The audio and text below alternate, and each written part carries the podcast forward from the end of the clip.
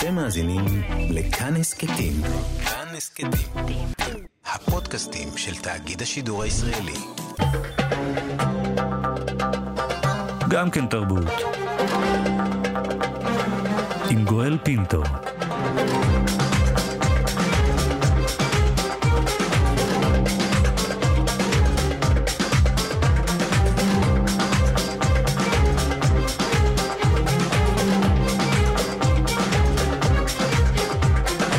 שלום, תודה שבחרתם להאזין לנו. הסכת אה, גם כן תרבות, המיטב מתוך התוכנית היומית שלנו, המשודרת בכל יום ברדיו כאן תרבות, 104.9, 105.3 FM. תהנו. גם כן תרבות. עם גואל פינטו. ברוב של 23 נגד 19 קולות, החליט הסנאט של מיסיסיפי להסיר את סמל הקונפדרציה מדגל המדינה. זהו הדגל היחיד בארצות הברית שבו מופיע אותו סמל, ריבוע אדום, בתוכו איקס כחול, מרוצף ב-13 כוכבים לבנים. עכשיו ועדה תוקם ותבחר עבור המדינה דגל חדש. נדבר על המוטיבים המופיעים בדגל האמריקאי ומשמעותם האמיתית. נעשה זאת עם הפרופסור ערן שלו, היסטוריון של ארצות הברית, החוג להיסטוריה כללית אוניברסיטת חיפה, שבימים אלה שוקד על כתיבת ספר שכותרתו מסקרנת, הרפובליקה זרועת הכוכבים, אסטרונומיה, פוליטיקה ועלייתו של הכוכב האמריקאי. הפרופסור שלו, בוקר טוב. בוקר טוב, גואל. תודה שאתה נמצא איתנו הבוקר, אז אנחנו מתבוננים בדגל ואנחנו לא מבינים את המשמעויות הרבות שנמצאות בתוכו, אבל עוד לפני כן, ההחלטה של מיסיסיפי, עד כמה היא החלטה משמעותית בעיניך? תראה, היא החלטה היסטורית, היא לא רק החלטה משמעותית, אה, מכל מיני, אה, אה, כלומר, היא מצטרפת לגל של החלטות דומות, אבל ממש בערש הקונפדרציה הדרומית.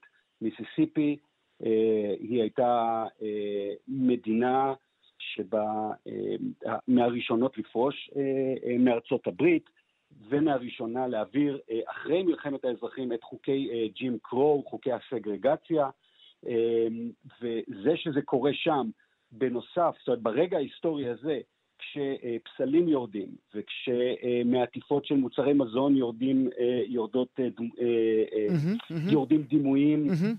גזעניים שונים, כלומר זה מצטרף... דודה ג'מיימה ואנקל בן, כן, זה הכל חלק מאותה רשימה ממש. תן לנו ברשותך מין overview כזה על הדגלים באמריקה. אנחנו חושבים על דגל אמריקה, אנחנו חושבים על אחד, אנחנו לא חושבים על רבים. כן, כלומר, דגלים הם תופעה מעניינת. אה, והדגלים המודרניים, למעשה הדגל האמריקאי שאנחנו מכירים אותו הוא הדגל המודרני הראשון שנוצר מתוקף אה, החלטה אה, של חקיקה בראשית המהפכה האמריקאית. עד אז דגלים הם, הם הם, אין להם את המקום הרגשי שיש לדגלים היום, שמנופפים אותם בטקסים ותולים אותם במרפסות, אלא הם בעיקר לסמלים של בתי מלוכה שונים ומשונים, והנה באה הרפובליקה האמריקאית הצעירה, מכריזה על דגל שבתוך זמן לא רב הופך להיות למעשה החזות של, של ארצות הברית בעולם כולו. אז הדגל הזה הוא שואב אה, סימנים אה, מתגלים אה, מהדגל האנגלי, את הצבעים שלו אה, וחלק מה, אה, אה, מהעיצוב שלו, אבל מה שחדש למעשה בדגל הזה הוא השימוש בדימוי של הכוכב, אה, או, או המדינה ככוכב. כלומר, ארה"ב היא אה, רפובליקה שמורכבת מקונפדרציה של מדינות או פדרציה של מדינות, וכל כוכב מסמן את, ה, את המדינה. את המדינה האמריקאית. הבחירה בכוכב הייתה בחירה מודעת? הם ידעו מה הם אומרים לנו? כן. למה זו... לא בננה? למה לא פיל? למה לא תרמוס? זאת שאלה מצוינת, אה, שאני גם שואל את עצמי. וכלומר, הכוכב הוא כל כך נוכח היום בתרבות הוויזואלית והתרבות הפוליטית האמריקאית, שזה נראה לנו ממש מובן מאליו. אגב, זה גם מביא לגל של מדינות אחרות. זאת אומרת, אם נסתכל על דגלי העולם כולו, או mm-hmm. 192 הדגלים שמתנוססים מחוץ לאומות המאוחדות, נראה שיותר מחצי מהם מכילים איזה שהם דימויים קוסמיים, mm. אסטרונומיים. ארצות הברית הייתה הראשונה. כמו מה למשל מלבד כוכב? בעיקר כוכבים, אבל זה לא רק הכוכב בעל חמשת הפינות האמריקאי, לפעמים זה קבוצת כוכבים, לדוגמה הדגל של ברזיל, מראה את, ה, את קבוצות הכוכבים שרואים מדרום כדור הארץ. Hmm. כלומר, יש ממש ייצוגים של... Hmm. של השמיים ממש. זו אסטרונומיה ממש במקרה הברזילאי, כן. זו אסטרונומיה ממש, נכון. הרבה מאוד מעתיקים, כלומר יש דגלים שהם ממש כמעט העתק מדויק של הדגל האמריקאי, או לפחות של הכוכב, אפילו, אפילו הדגל של, ה, של האיחוד האירופי, הוא משתמש באותו כוכב עם צבעים שונים. השאלה למה. השאלה היא באמת למה, ובשביל להבין את זה צריך ללכת אחורה לתקופת הרנסאנס, שבה אה, מלכים דימו את עצמם לשמשות. אה, זה קורה, מלכים... אה, אנחנו כמובן חושבים על הצרפתי הקטן, כן. נכון, על הצרפתי, על מלך השמש, לואי ה-14. זה מי שאנחנו זוכרים אותו, אבל באותה תקופה כל מלכי אירופה דימו את עצמם לשמשות. Mm-hmm. זה קורה אחרי שמחלחלת התובנה ש...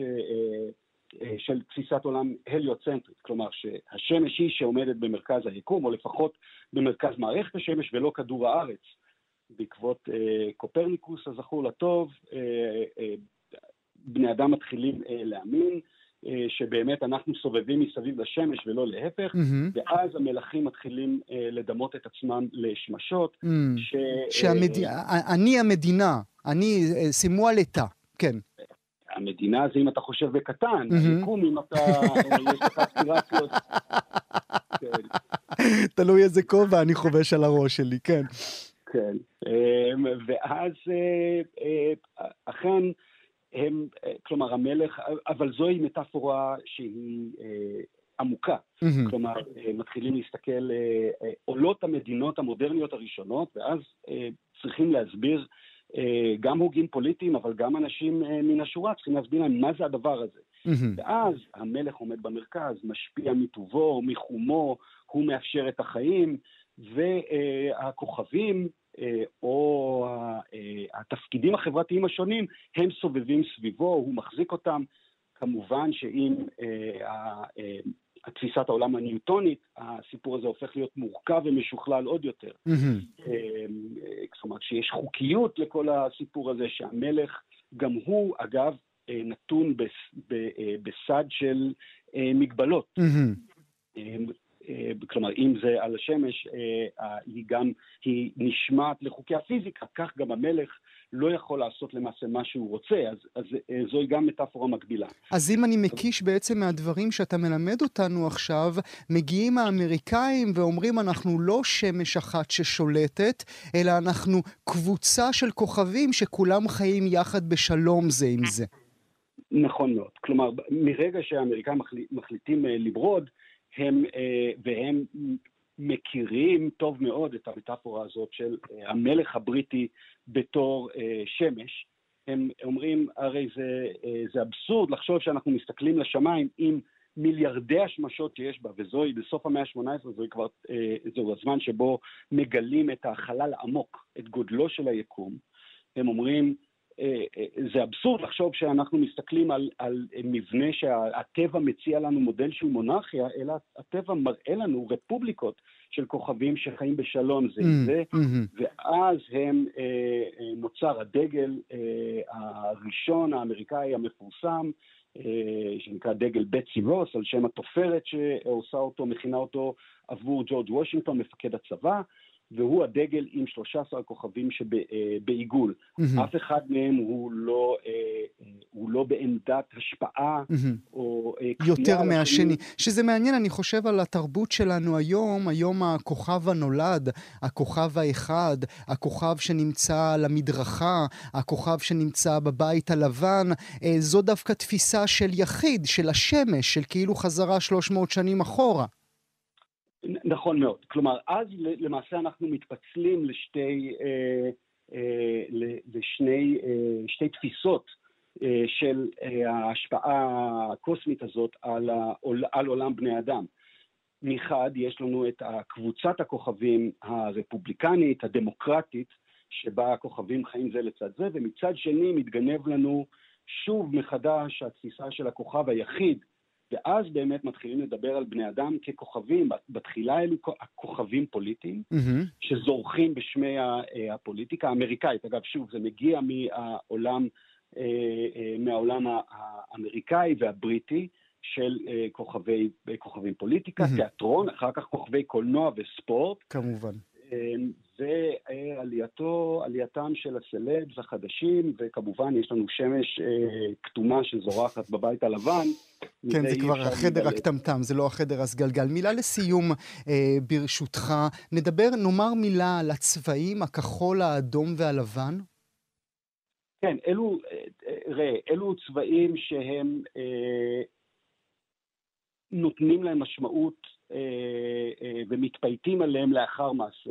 הלבן הוא התואר, והכחול הוא האומץ, והאדום אה, היא ה... אני אפילו לא, יש כל מיני פרשנויות לאדום, mm-hmm. אבל הסיבה שמשתמשים בצבעים הללו היא שהם הצבעים הזמינים בסוף המאה ה-18, בתקופה שלפני המהפכה התעשייתית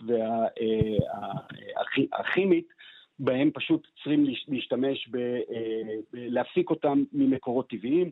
אלו הצבעים הזמינים שיש, בגלל זה משתמשים עליהם בדגלים. ועכשיו גם מיסיסיפי אה, מורידה סוף סוף את החלק הזה של הקונפדרציה, ומעניין יהיה לראות, הפרופסור שלו, אה, איזה דגל הם יעצבו מחדש, וזה בכלל לשיחה נכון. אחרת, איך מעצבים דגל, ומה בונים בתוכו, איזה מסרים רוצים להכניס בו. נכון, הם, הם רק הבטיחו ש... אה, כלומר, החוק שמבטל את הדגל הנוכחי אה, אה, אומר שיהיה את הכיתוב In God We Trust על הדגל, המס... על הדגל החדש, אז לפחות את זה אנחנו כבר יודעים. הפרופסור ערן שלו לעונג, אני מודה לך שהיית איתנו. תודה, תודה. יום טוב. כותרת האשטג, תג הקבצה, המדובר ביותר בטוויטר צרפת הוא ז'רט לוריאל. אני מפסיק עם לוריאל. בלוריאל הכוונה לחברת הקוסמטיקה הגדולה ביותר בעולם, ובז'רט הכוונה שהם פועלים להחרימה. הסיבה, לוריאל מודיעה שהיא מורידה מהמדפים את כל מוצרי הטיפוח שמטרתם הלבנת עור, מתוך הבנה ששוטפת את העולם, שכשאנחנו מדגישים את היופי הלבן, אנחנו מורידים מהיופי השחור. וכאמור, כאמור, רבים רבים בעולם מאוד לא אוהבים את המהלך הזה. הפרופסור חנה נווה, החוג לספרות והתוכנית ללימודי נשים ומגדר באוניברסיטת תל אביב, נמצאת איתנו הבוקר. בוקר טוב לך. בוקר טוב, גואל. האם את מופתעת מתנועת הנגד של ז'רט לוריאל? אני לא מופתעת מתנועת הנגד. תנועת הנגד אה, משולה באופן, ככה אם עושים העתקות, אה, ל-white power, mm. לתנועת white power. אה, להפסיק עם לוריאל, או להחרים את לוריאל, מפני שהם עושים מהלך שלכאורה, לפחות על פניו, כמו שאומרים, נראה כמהלך של הכלה ושל ויתור על פריבילגיה מסוימת על ידי, יש יקראו לזה כביסת מילים, כיבוס מילים, ואפשר לקרוא לזה על ידי אה, שיבוש השפה ההגמונית על ידי שינוי מילים, שינוי השפה, הכנסת עוד מילים ועוד אופציות במנעד רחב יותר לשפה שנקראת צבע העור. אגב, אנחנו קוראים לרבים מאיתנו לבנים, אנחנו הרי לא לבנים, אנחנו מין ורדרדים אה, בז'ים כאלה. טוני מוריסון כתבה על זה בספר של המשחקים באפלה. האדם הלבן איננו לבן, הוא לבן רק כשהוא ראה את האדם השחור. אבל גם לא כל השחורים הם שחורים, יש שם איזה 700 צבעי. הרי זה ברור. מכל מקום, אני לא מופתעת, אני כמובן מגנה את ז'רט לוריאל, לא שאני נמנית עם אוהדי לוריאל, יש להם גם היסטוריה אפלה נוספת, מעבר להיסטוריה שעכשיו עולה על הפרק. אבל כן, אני, אני רואה בזה עוד ביטוי של הניסיון אה, אה, לשמור על הגחלת, על האלמו, אבל, כוח אבל. למה כאן בעיניי מדובר במקרה אחר, אה, אם תרשי לי? אנחנו רואים ש, שהרבה מאוד מתנועת הנגד, ז'רט לוריאל, מגיע דווקא ממדינות, אני רואה את זה אה, הרבה למשל בהודו הגדולה, ששם מוצרי הלבנת עור אה, מאוד מאוד נפוצים, שגם הן, אותן נשים שמשתמשות באותן מוצרי הלבנה, גם הן אומרות, אתם הולכים רחוק מדי, הלכתם רחוק מדי, זו החלטה שלי אם אני מלבינה את העור שלי או לא. כן. אני, אני מסכימה עם שני אברי המשוואה הבלתי שווה הזאת, עם שני אברי הניגוד הזה. מה פירוש הלכתם רחוק מדי? כרגע הראפר בשיר אמר שפירוש, שפתרון הבעיה של שחורים ולבנים זה עניין עולמי, אה, כל כך גדול, mm, כן, הוא צריך mm. את התמונה הגדולה כדי לראות את זה, ורק הזמן הארוך של ההיסטוריה יוכל להראות אם נפתרה או אם ניתנה לפתרון או אם נעשו צעדים משמעותיים לפתרון הבעיה הזאת. אבל הוא אמר, We've got to start somewhere, mm. הוא אמר את זה בשיר. אנחנו חייבים להתחיל באיזשהו מקום. ולעיתים קרובות, כשמתחילים בצעד חזק, אולי אמיץ, אולי רדיקלי, ואני מוכרחה להגיד, כיוון שמדובר בחברה מסחרית ומדובר במערכת פרסומית עזת, אז עזת, את לוקחת עזת, את זה עם גרגר מלח. כן, אז, אז אה, אה, אתה יודע, אתמול שמעתי בטלוויזיה, התראיין מישהו ששמו, שם משפחתו ברקת, לא, לא תפסתי מה שמו הפרטי, מעולם הפרסום, הוא אמר, ש, שקרה דבר מדהים, המפרסמים לוקחים עכשיו פוזיציה חברתית. Mm. הוא אמר, המפרסמים התחילו לפתח תודעה חברתית. נו נו, הרבה גרגירי מלח אני צריכה בשביל זה, אבל על הגל של התודעה החברתית שהיום היא בונטון, על הגל הזה מתלבשות גם חברות הפרסום, גם חברות מסחריות ועסקיות גדולות כמו לוריאל, ולוריאל אגב היא לא היחידה.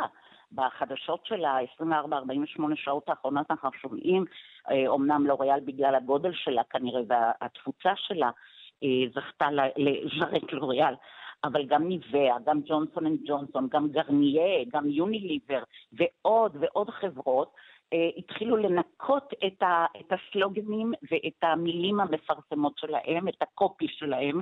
אה, ראיתי למשל קופי חדש שנקרא מלנין בלוק. הבנת? כמו סאן בלוק. זה בסדר, מלנין בלוק, במקום להגיד אה, אה, חסימה לשחור. זאת אומרת, את בעצם אומרת לי, אה, נערים ונערות היינו וגם זקנו, זה עכשיו הכותרת, אבל בעוד חודש לוריאל והאחרות ימצאו את הדרך להמשיך להלבין את הנשים השחורות. אני חוששת שכן, ואני מקווה שלא.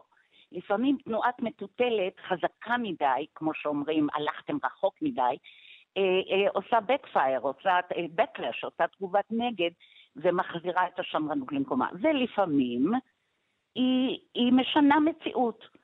ואני מוכרחה להגיד כמו הראפר, We've got to start somewhere. Mm. צריך להתחיל באיזשהו מקום. ועם חברות הפרסום והעסקים האלה, לצורך העניין של שיחתנו הקוסמטיקה והלבנת העור, עושות את הצעד הזה, אז יאללה, אני רוצה, אני רוצה לתת אמון, אני רוצה קצת תמימות, אני רוצה לראות בהן את מי שמשבש תרבות עכשיו, ואני תמיד בעד שיבוש התרבות. כי את יודעת, תראה... אני, אני חושב שבהקשר הזה צריך אה, הפרופסור נווה להכניס גם אה, את דבריה של אנה וינטור, הכוכבת או הכהנת, סליחה, הגדולה של עולם האופנה, העורכת הראשית המיתולוגית של ווג אה, אמריקה, שהיא מכה על חטא לפני שבוע-שבועיים. היא אומרת, כן, גם אני לא הכנסתי מספיק דוגמניות אה, שחורות אל העיתון שלי, בטח לא לשערי העיתונים. ואת אומרת, צריך להסתכל על זמן ארוך של היסטוריה, אבל זה נכון יהיה לומר שתמיד תמיד הלבן, הלבנה, היו יפים יותר או נתפסו כיפים יותר. גואל, אנחנו בצרה כל כך צרורה עם הלבן והשחור הזה, שהאחיזה שלה בדמיון שלנו, בתודעה שלנו, במערכת הקוגניטיבית הבסיסית והעמוקה ביותר, אה, יהיה קשה לפרום את הפלונטר הזה. תשמע, לבן ושחור איננו אלא כינוי נוסף למושגים כמו אור וחושך. אז כשאלוהים אמר ויהי אור ולא אמר ויהי חושך, כן, החושך mm-hmm. היה שם קודם, mm-hmm. בבחינת איזה מצע של תוהו ובוהו וכאוס מוחלט, והיה צריך לומר ויהי אור.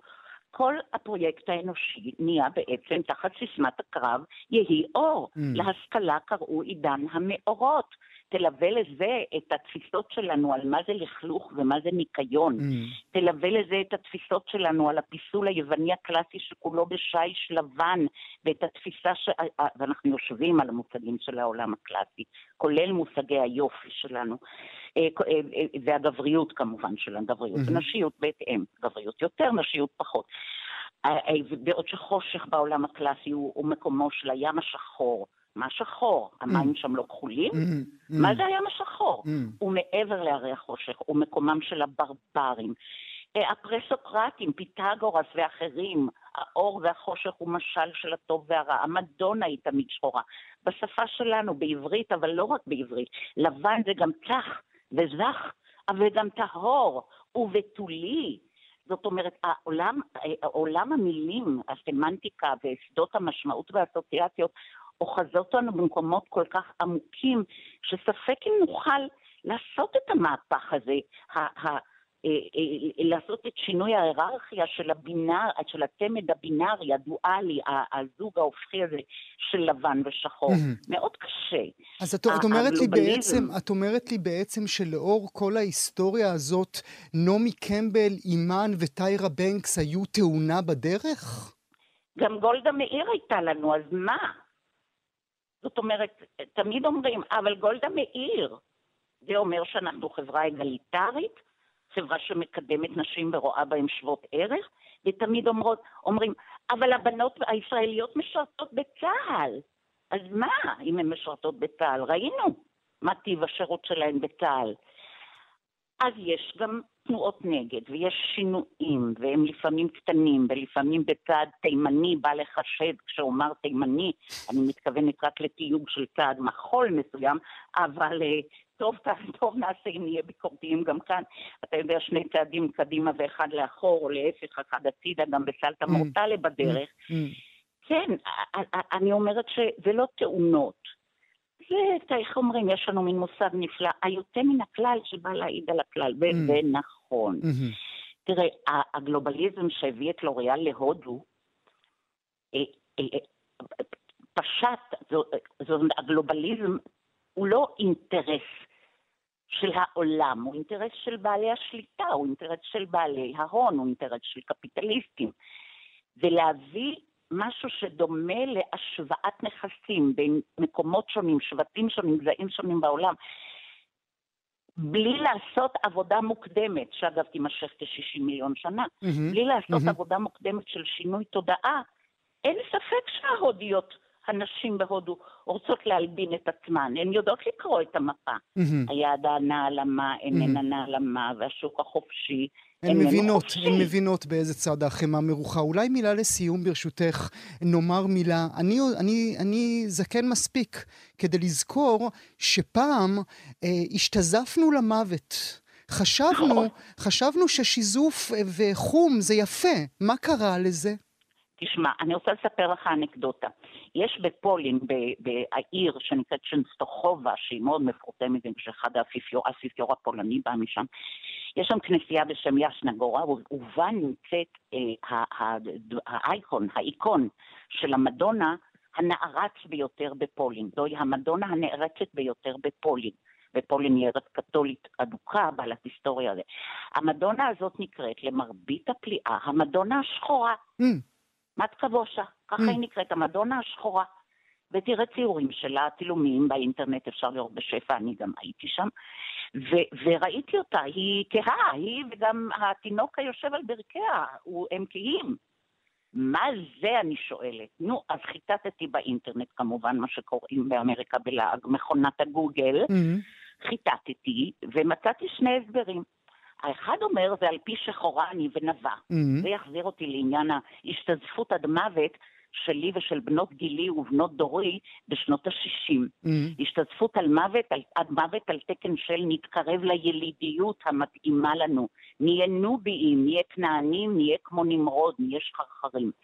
בעבר כנראה, בעבר. ככה זה עבר גם עם המלנין בלוק, mm-hmm, נכון? Mm-hmm. זה, זה קשה לא לדבר על קונספירציה mm-hmm. פה, קונספירציה אלוהית. אבל ההסבר השני הרבה יותר פשוט. זה תוצאה, המדונה השחורה זו תוצאה של שריפה שהייתה בכנסייה mm, לפני כמה מאות שנים, mm. ומאז אלפי מיליוני נרות שדלקו שם. שוב חזרנו לאור ולחושך. והעשן עשו את המדונה שחורה. Mm-hmm. אז אה, ככה, קודם כל בואו נסתכל על זה במבט קצת אה, אירוני, או mm-hmm. לפחות ספקני, על היכולת להיות יפה ושחורה, או נערצת ושחורה, ונמשיך לראות בזה מין מקרה גולדה מאיר. ועלינו שהשתזפנו בשנות ה-60 עד מוות, כמו שאמרת, וכל אחת השוויצה ביום ראשון בבית ספר על הצבע השחור יותר שהשיגה בשבת בים, זו הייתה תקלה זמנית כנראה. תקלה זמנית. נאמר לך תודה, מתכבושה אני אקרא לך. הפרופסור אה, חנה נווה, לעונג, אני מודה לך שהיית איתנו הבוקר. תודה רבה שהזמנת. בוקר טוב. גוי. בוקר טוב. עכשיו אנחנו מכניסים אתכם אל מנהרת הזמן של טוני ודג. אנחנו חוזרים 2,500 שנים אחורה. אז מיניות, אהבה, אפילו זוגיות, בעיקר בין גברים, הייתה דבר שבשגרה. מה שמלמד אותנו שלפעמים הקדמה קיימת דווקא בעבר, לא בעתיד. שלום למתרגם שמעון בוזגלו. שלום, שלום לך, ואפילו הייתי מציין 2,700 שנים לאחור, כן. תראה מה זה, לי היה כתוב 2,400, אמרתי אני אוסיף עוד 100, אמרתי 2,500, והלאה, אתה מוסיף עוד 200. לאיזה תקופה בזמן אתה לוקח אותנו במנהרת הזמן? אני לוקח אותנו לתקופה של אה, משוררת נפלאה בשם ספפו, שחיה בערך לפני 2,700 אה, שנים, היא חיה באי לסבוס. אה, אז קודם כל, היא המשוררת הראשונה שנשארו לנו אה, ממנה שירים בכלל, בתרבות המערב, ו- ולא רק שנשארו לנו שירים, אלא ממש נשארו לנו קבצי שירה מלאים, ולא רק שנשארו לנו קבצי שירה מלאים, היא אולי אחת המשוררים, המשוררים ומשוררות הגדולה ביותר, ממש הייתי אומר, אה, אחת מהגדולות ביותר בתרבות המערב. ועל זה אפשר להוסיף שלא רק שהיא כתבה שירה, היא גם כתבה אה, על אהבת נשים. אה, שזה היוצא דופן, כן? כי אנחנו בכתבים האלה מכירים יותר שירי אהבה גבריים, אה, וכאן ממנה אנחנו זוכים ליצירה לסבית בעצם. כאן אנחנו זוכים ממנה ליצירה לסבית, ובאמת המונח הזה, אהבה לסבית, נובע מכך שהיא חיה באי לסבוס, וזה מושג שנתבע ממנה. אז לפני, שנ, לפני שניכנס באמת אל התקופה ממש ונשאל מה בתקופה הזו אפשר את החיים הלהט"בים הפתוחים כל כך, אולי תקריא לנו משהו ממנה, מספפו. בשמחה. הוא נראה לי שווה לאלים, הגבר ההוא היושב ממולך, ומקשיב מקרוב לקולך המתוק ולצחוקך המקסים. בחיי, זה מקפיץ את הלב בחזי. הרי כשאני מביטה בך לרגע, איני יכולה לדבר עוד. לשוני מתנפצת בשקט. אש דקיקה מיד זוחלת מתחת לעורי. עיניי אינן רואות דבר. אוזניי מזמזמות. זה ההכרה ניגרת ממני, צמרמורת אוחזת אותי, אני ירוקה מעשב, נראה שעוד קצת ואמות. אבל הכל אפשר לשאת שכן. ופה השיר נקטע. כאן הוא נגמר, הכל אפשר לשאת שכן. זה פשוט, היא הייתה נהנית, היא הייתה מתענגת לשמוע אותך קורא את השיר שלה. מה באמת בתקופה הזו אפשר את הפתיחות הזאת?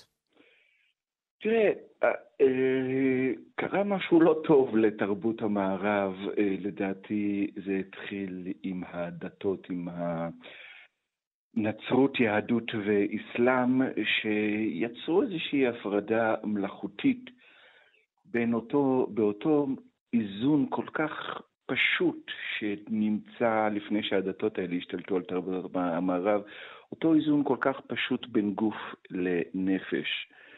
לא מתביישים מהגוף, הגוף הוא דבר נהדר, לא צריך, אה, לא צריך להתבייש בו, ובאותה מידה גם אין איזושהי מחויבות למין מסוים. Mm.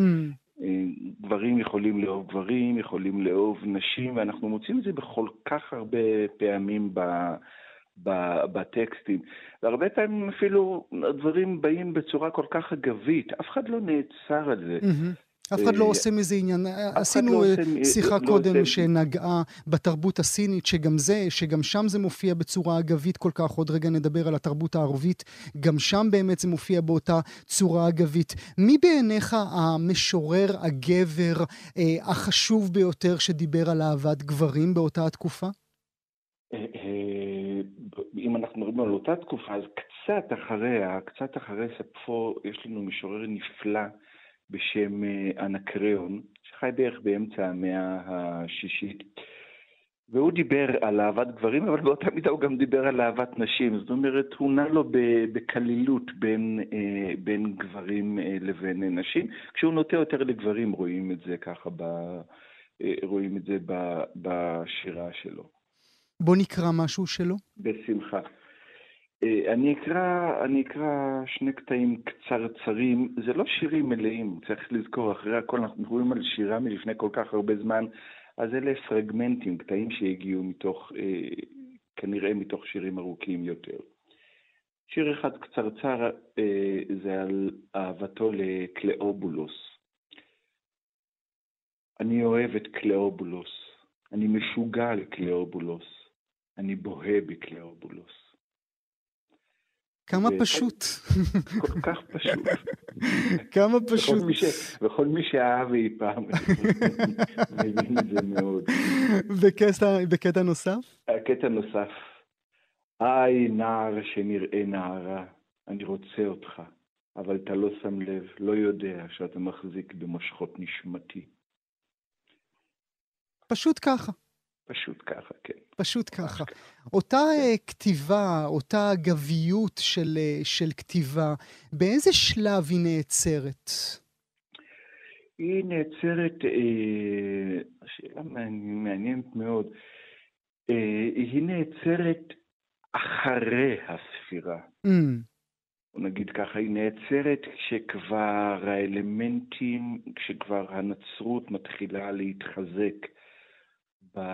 באותו עולם גרקו-רומי, אני מדבר על אחרי, כמו שאמרתי, אחרי הספירה, אה, אבל, היא, אבל זה ממש, ההפרדה ניכרת בצורה ברורה, הייתי אומר, אחרי נפילת האימפריה, אחרי נפילת אה, רומא במאה החמישית, אחרי סגירת האוניברסיטאות במאה השישית, פחות או יותר, משהו כזה. זה האזור. עד אז אנחנו מוצאים כלילות נהדרת, דרך אגב, גם ביחס לדתות השונות, כבר כשהם התחילו, כשהדתות המונותאיסטיות התחילו קצת יותר אה, לבוא לידי ביטוי, אה, החופשיות הזאת בכלל, כל, אותה, כל אותן מחיצות שאנחנו מכירים בחיים, mm-hmm. גברים, נשים, דתות, אה, לאומים, כל הדברים האלה, העולם הזה היה לאין ארוך יותר גמיש וליברלי מהעולם שאנחנו חיים שאנחנו בו. חיים בו, מדהים. למ... ואנחנו צריכים לומר, אתה מדבר על בעצם על הספירה, אנחנו מדברים אבל גם על אה, קתולוס שהוא בן המאה הראשונה, אה, שגם הוא, כן. אה, שגם הוא בעצם מדבר רבות על שירי האהבה ההומואים. נכון, נכון. לקתולוס הייתה, קתולוס הייתה אהובה שהוא הוא, הוא אהב גברים ונשים שוב. הייתה לו אהובה שהוא קרא לה לסביה, אה, וזה מתוך הערצה לספפו. Mm. הוא אפילו תרגם אה, שיר שלה. עכשיו, קטולוס כתב איזשהו שיר על אה, בחור בשם יובנטיוס, ו... וכנראה היו תגובות כאלה ואחרות בחוגים שהוא הסתובב בהם, ואחר כך הוא, הוא הגיב על זה בשיר מאוד מאוד קשה במונחים מודרניים. שיר שדרך אגב לא תורגם מעולם עד אמצע המאה ה-20. Mm-hmm. לכל שפה שהיא. אתה מדבר על, ה, על הטקסט הגס שאנחנו לא נקריא במשדר אצלנו בתוכנית. הוא כל כך גס שאני אפילו לא יכול לקרוא אותו, שלא לומר להקריא אותו. אתה מבין, כשאנחנו, כשאנחנו נמצאים בתיאטרון mm. ושומעים את, קסנופ... את, את אה, אריסטופנס, mm. אתה יודע איזו שפה, איזו שפה במונחים מודרניים, מטונפת. איזו שפה גסה זאת? Mm-hmm. אה, אה, אני לא יודע מה קרה, שאנשים קשה להם מאוד עם השפה הזאת. אני יודע מה קרה, זה, אני חושב שזה קשור מאוד ל... להשתלטות של השפות על התרבות שלנו, mm-hmm. של הדתות על התרבות שלנו, אבל, אה, אבל זה כנראה היה הרבה יותר, זה כנראה הרבה יותר זרם בתקופות ההן מהיום. וכאשר הוא כותב את הטקסט הזה שלא נקריא, אה, הטקסט המאוד גס שהוא כותב, זה טקסט של כעס על, עליכם, על הדרך בה אתם מקבלים את האהבה שלי? אני לא חושב שזה כעס, סוג של לעג, סוג של משחק בין, אה, אני חושב סוג של השתעשעות בין אה, מכרים. זה לא ממש, הוא לא מגיב על זה בצורה כזאת, מפני שהכעס הזה היה רלוונטי בחברה בת ימינו, כן? אבל זה לא בחברה, זה סוג של שעשוע. אז אולי מילה לסיום, אנחנו נקרא שיר של קתולוס בכל זאת. בשמחה. אם ירשו לי יובנטיוס לנשק את עיניך הדבשיות עוד ועוד, אנשק אותן שלוש מאות אלפי פעמים, ולא אסבע לעד גם אם יבול נשיקותינו יהיה צהוב ורב משדות שיבולים יבשות. שמישהו יכתוב לי שיר כזה פעם. המתרגם, אה, שמעון בוזגלו, אני מודה לך מאוד אה, שהיית איתנו הבוקר. אנחנו עוברים אה, לנושא הבא שלנו. היום, ממש היום, לפני 120 שנים, נולד אחד האנשים שישפיעו יותר מכל על הספרות העולמית. הוא בכלל היה רוזן, בן למשפחת אצולה, טייס במלחמת העולם השנייה, שהתרסק עם מטוסו ביולי 1944 בעת פעילות מבצעית. הוא גם זה שלימד את העולם כולו לבקש שיציירו לו כביסה. אה, כבשה.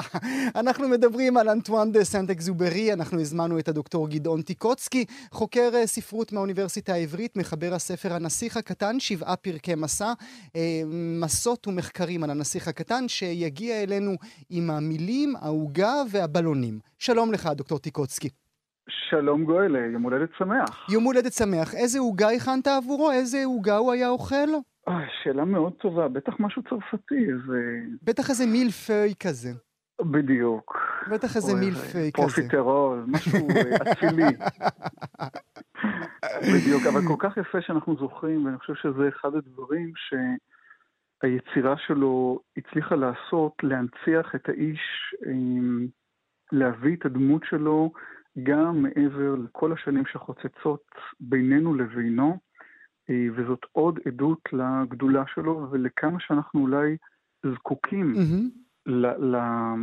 גיבור הזה, ממש גיבור אנחנו עוד רגע ננסה המילולי. להבין באמת למה אנחנו כל כך זקוקים לנסיך הקטן, מדוע הוא מחזיק 80 שנים. צריך אה, לומר שאנטואן דה סנט אקזוברי הלך אה, לעולמו בגיל אה, מאוד צעיר, מה גיל 44 הוא הלך לעולמו. אבל עוד לפני שנגיע לנסיך הקטן, לי יש תחושה שאם הוא היה בינינו, כן, היום יום הולדת 120, ייתכן שהיה עדיין חי, לולא הנסיבות, הוא היה אומר לנו, אתם לא בסדר, אתם לא פיירים, כתבתי עוד דברים, למה אתם זוכרים רק את הנסיך הקטן? ממש. אה, אני חושב שמבחינה הזאת הנסיך הקטן זאת ההצלה הגדולה של סנט אקזופרי, כי בלעדיו הוא לא היה זוכה למעמד שהוא זוכה לו כיום. אה, מצד שני, זה גם, לא אגיד האסון שלו, אבל זה, זה פשוט גבר על כל היצירות האחרות שהוא כתב, אה, ומן הבחינה הזאת זה קצת עושה לו עוול, והיום הזה, ובכלל כל מועד האזכור, הוא הזדמנות נהדרת עבורנו, הקוראים, הקוראות, mm-hmm. לחזור להיזכר גם. אז באמת בוא נאמר על זה, בוא נאמר על זה עוד מילה ברשותך. אם אני חושב על uh, טיסת לילה, או על טייס קרב שאתה עצמך תרגמת, הם פחות טובים מהנסיך הקטן? לא הייתי אומר שהם פחות טובים, הם שונים. זאת אומרת, דווקא הנשיר הקטן, אה, שזה ספר שכל כך שונה מהיצירה, מהכתיבה השגרתית של סנט גזופרי, אה, הוא שהצליח, כל שאר הכתיבה שלו מאוד ריאליסטית, מאוד מחוברת למציאות, בשונה מהנשיר הקטן שאנחנו זוכרים, זה איזה מין פנטזיה כזאת, ילד שבא מכוכב לכדור הארץ. אה, הוא מביע אבל אותם מסרים, בין השאר נאמר של האחריות, בין אם בנסיר הקטן, בפנטזיה, ובין אם בכתיבה הריאליסטית. כך שזה כן איזה חוט שני שנשזר, סליחה, לכל אורך יצירותיו. אז למה באמת אנחנו כה אוהבים לאהוב את הנסיך הקטן? אני חושב שיש משהו בנסיר הקטן שהוא אה, הודות לאוניברסליות שלו. אנחנו זוכרים, אין שם הרי שמות לדמויות, הכל mm-hmm. זה רק תארים. Mm-hmm. זה משהו שעובד בכל תרבות. אה, יש בזה גם מרכיב מאוד חזק של אופטימיות, כי אנחנו מצפים לזה שאולי ביום מן הימים הנסיר הקטן עם כל התום שלו יחזור אלינו, אבל יש מאחורי זה גם איזו מלנכוליה. ומן הבחינה הזאת היצירה הזאת היא רומנטית לגמרי, רומנטית במובן של הזרם הרומנטי, כי היא מתרפקת על העצבות הזאת. ולפעמים אנחנו אוהבים להיות עצובים. השילוב הזה של העצבות ומצד שני גם התקווה, אני חושב שזה אחד מסודות הקסם של היצירה הגדולה הזאת. הוא תלוי תרבות? האם אנחנו בישראל קוראים את הנסיך הקטן שונה מהצרפתים, אה, מכל אדם אחר בעולם? במקרה שלנו אני חושב שכן. זאת אומרת, ברוב התרבויות אני משער שקוראים את זה פחות או יותר באותה צורה. אה, בארץ, הודות לשיר של יונתן גפן, הנסיך הקטן, בזה שאחרי מלחמת יום הכיפורים הוא כתב את ה...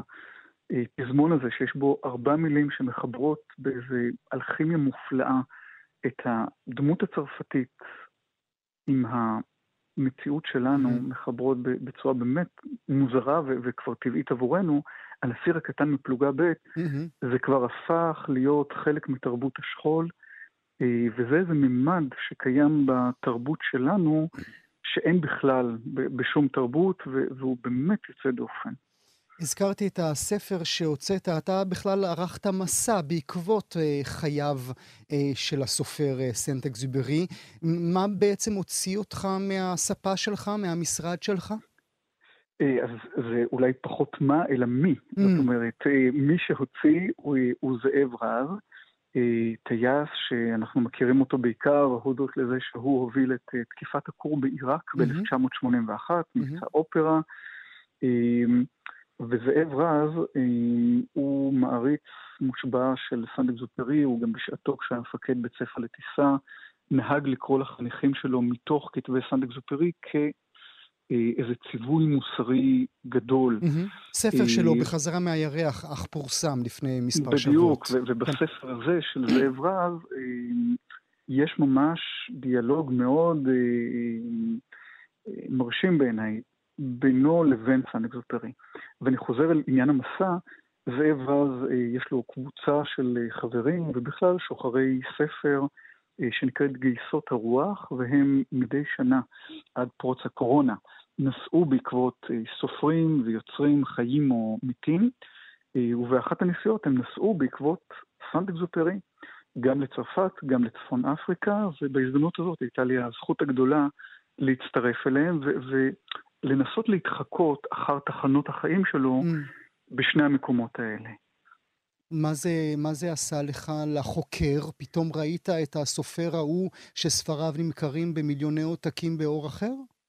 אני חושב שכן. אחד הדברים המפתיעים ביותר במסע היה לגלות באחוזה הכפרית שבה סנט אקזופרי גדל. זו אחוזה שהייתה שייכת למשפחה, והזכרת... זה מוזיאון עכשיו, נכון? אה, רוצים באמת להפוך את זה mm. למוזיאון, זה, זה בדרך ל... אה, והזכרת בפתיח שלך שהוא באמת בן למשפחת אצולה, אז זאת הייתה האחוזה שלהם לא רחוק מהעיר ליון במזרח צרפת. אה, והדבר הבאמת מפליא לראות שם היה בחצר של האחוזה ישנה באר שהיא נראית בדיוק כמו הבאר שמצוירת בנסיך mm, הקטן, mm. ופתאום אתה מבין שהבאר שמגיעים אליה במסע ארוך ומפרך, הנסיך הקטן והמספר, הטייס, בן דמותו של סן אקזופרי, זה בעצם הבאר מהילדות, מהבית, שם, mm. בכפר, בצרפת, ואיך הוא שותל את זה בסהרה, איך פתאום הילדות והבגרות משתלבות באיזו צורה שרק הספרות יודעת יכולה. לעשות. כן. אני רוצה שתקרא ברשותך עבורנו מתוך הנסיך הקטן, ונדבר באמת על המלחמה, על העובדה שהבן אדם אה, לחם נגד הנאצים, ואולי בתוך הספר עצמו נוכל כבר אה, להבין את המאבק שלו נגד הרוע, נקרא לזה כך. כן, אז באמת סנט אקזופרי הוא, הוא לא רק שהוא נאבק, הוא למעשה גם הקריב את חייו mm-hmm. במלחמה נגד הנאציזם, כשהוא, אה, כפי שציינת, נעלם עם מטוסו במשימה מבצעית בשירות בעלות הברית, והוא היה אחד האינטלקטואלים היחידים שעמדו אה, להגנת היהודים בתקופה הזאת. זה עוד איזה חוב שלנו כקוראים ישראלים לאיש הזה. Mm-hmm. וברשותך אני אקרא אה, קטע שבו הוא מתייחס במרומז אולי לסכנה של הנאציזם דרך הסמל המרשים של הבאובב בנסיר הקטן. אנחנו זוכרים, הנסיר הקטן מספר לטייס שהוא צריך כל יום, מדי בוקר, לנקש את עשבי הבאובב, כי אם הוא ייתן להם לגדול, הם יצמחו ויגדלו ויבקעו את כל הכוכבית. וכמובן שאנחנו יכולים לחשוב על זה גם כסמל לרוע בכלל. Mm-hmm. ואולי ספציפית לנאציזם, סמל נפלא כי גם הבאובב הוא כל כמה שהוא עצום, הוא באמת mm-hmm. עצום, אה, הוא חלול. וכך כותב סנדק ופרי שאייר בעצמו גם את הספר. ולפי הנחיותיו של הנשיא הקטן ציירתי את הכוכב ההוא. בדרך כלל איני אוהב לדבר כאחד המטיפים, אבל פגיעתם הרעה של הבאובבים כל כך לא ידועה, והסכנות הצפויות למי שיקלע לאסטרואיד כל כך גדולות, שהפעם אני יוצא מגדרי ואומר, ילדים, ייזהרו מהבאובבים. רציתי להזהיר את ידידיי מפני סכנה שאיימה עליהם ימים רבים, והם, כמוהם כמוני, לא ידעו, על כן שקדתי כל כך על הציור הזה. הלקח שלימדתי היה שווה את הטרחה. ואתם אולי תשאלו, למה אין בספר הזה עוד ציורים נהדרים כמו הציור של הבאובבים? Hmm. התשובה תהיה פשוטה בתכלת. ניסיתי ולא הצלחתי. כשציירתי את הבאובבים, פיעמה בי תחושת הדחיפות. מדהים, מדהים. אין קשר בין זה לבין ספר ילדים. אני לא יודע איך, איך זה הצליח לקבל את כותרת ספר הילדים. עוד בעברית אנחנו גם מכירים את זה בדרך כלל ב, ב, בכל המהדורות, גם בתרגום הקלאסי של אריה לרנר מ-1952, גם בתרגום של אילנה המרמן, 1993, זה תמיד מנוקד, mm-hmm, וזה mm-hmm. עוד יותר מקרב את זה באמת למדע ספרי הילדים. אה, אני חושב שסנט אקזופרי כתב את הספר הזה כשלנגד עיניו הייתה תמונה של יוצרים גדולים אחרים שכתבו לילדים את מה שהמבוגרים עלולים היו לצנזר. Mm. אנחנו חושבים על מסעי גוליבר, אה, על עוד שורה של יצירות שהאלגוריה או הסאטירה שבהן תתגלה רק לימים, ושילדים פשוט לא יכולים להבין. אה, מה גם שאין הרבה ספרי ילדים שהגיבור שלהם מת בסוף, הוא נעלם במקרה הטוב. מזל טוב, נגיד לו מזל טוב ונודה לו באמת על היצירה המרשימה הזאת. הדוקטור טיקוצקי, אני מודה לך מאוד, תודה שהיית איתנו הבוקר. תודה, כל טוב להישמע.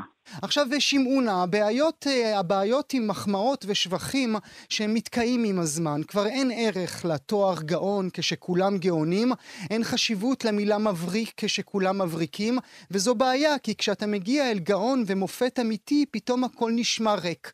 אבל קרל ריינר, התסריטאי, השחקן והבמאי שהלך לעולמו עכשיו, והוא בן 98, היה כל הדברים האלה יחד ועוד. נדבר בו, נעשה זאת עם העיתונאי והפרשן אורן נהרי. שלום אורן.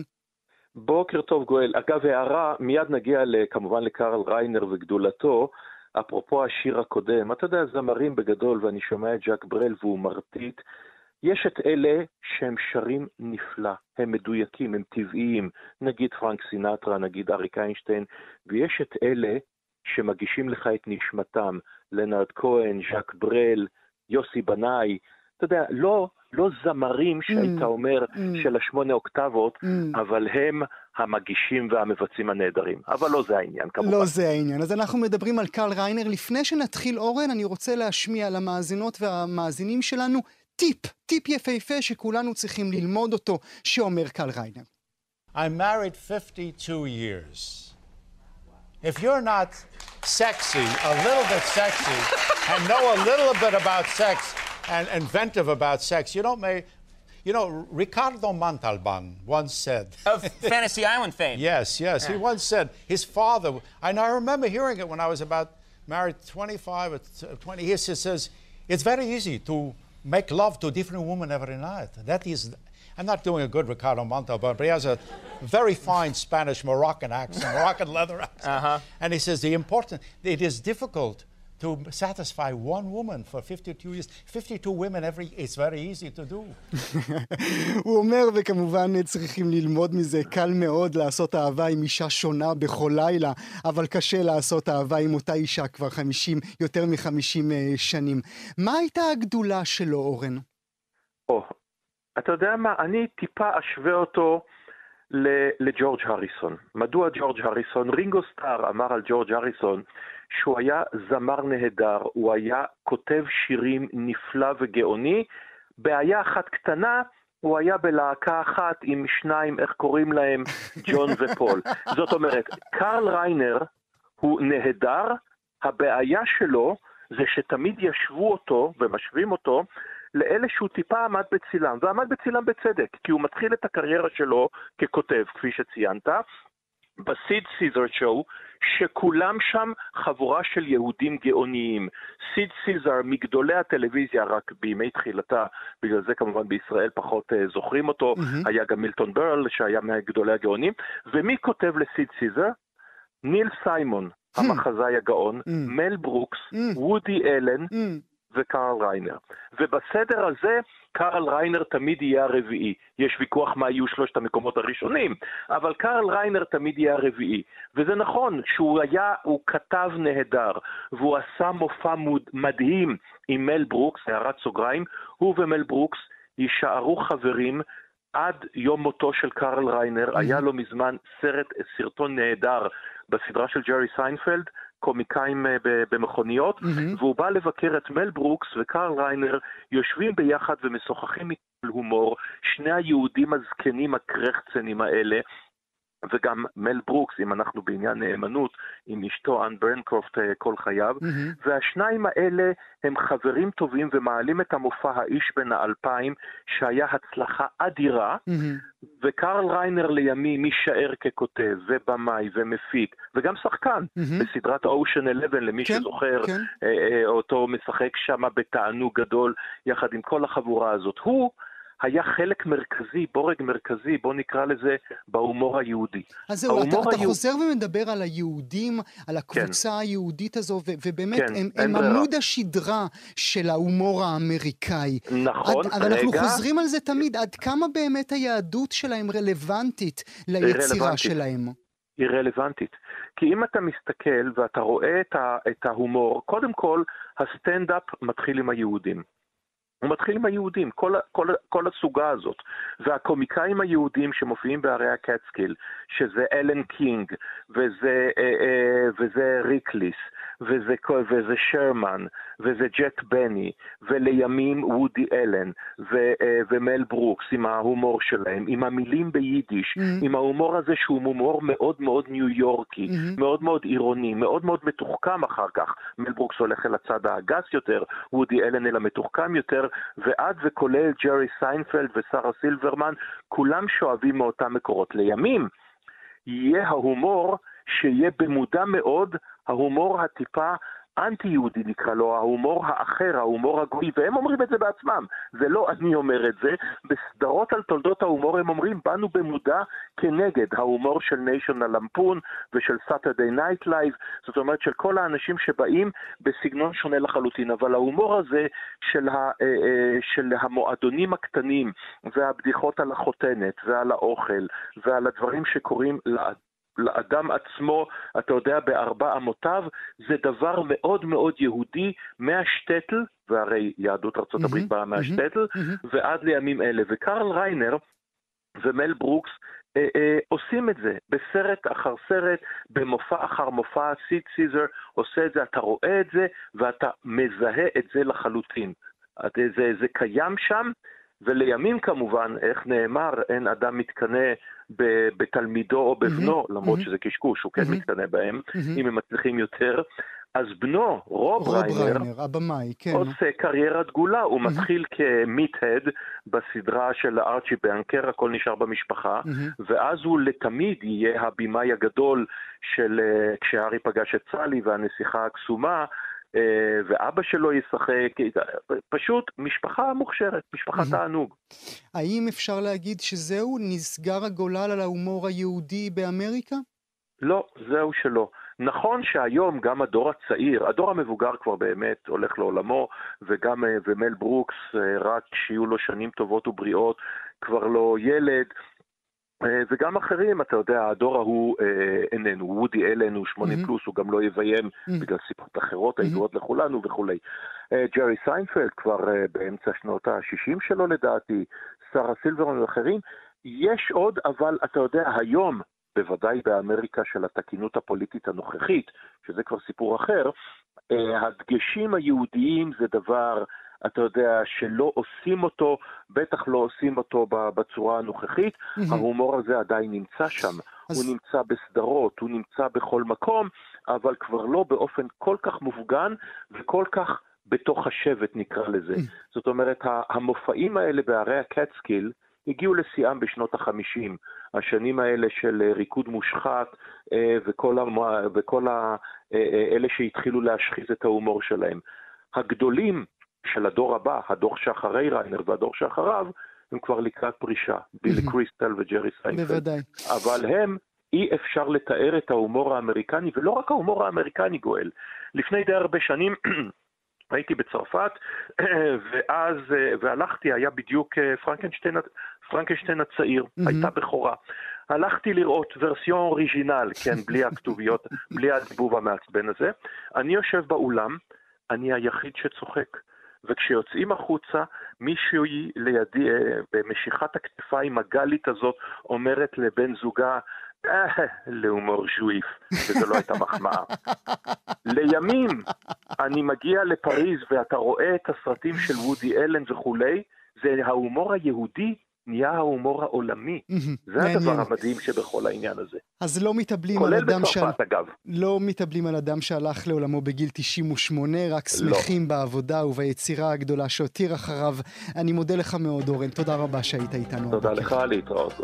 כאן הגיעה לסיומה תוכנית נוספת של גם כן תרבות. כרגיל, אנחנו שולחים אתכם לעמוד הפודקאסטים שלנו, עמוד ההסכתים, בכתובת כאן.org.il/פודקאסט. שיהיה לכם מה להאזין. תודה שהייתם איתנו.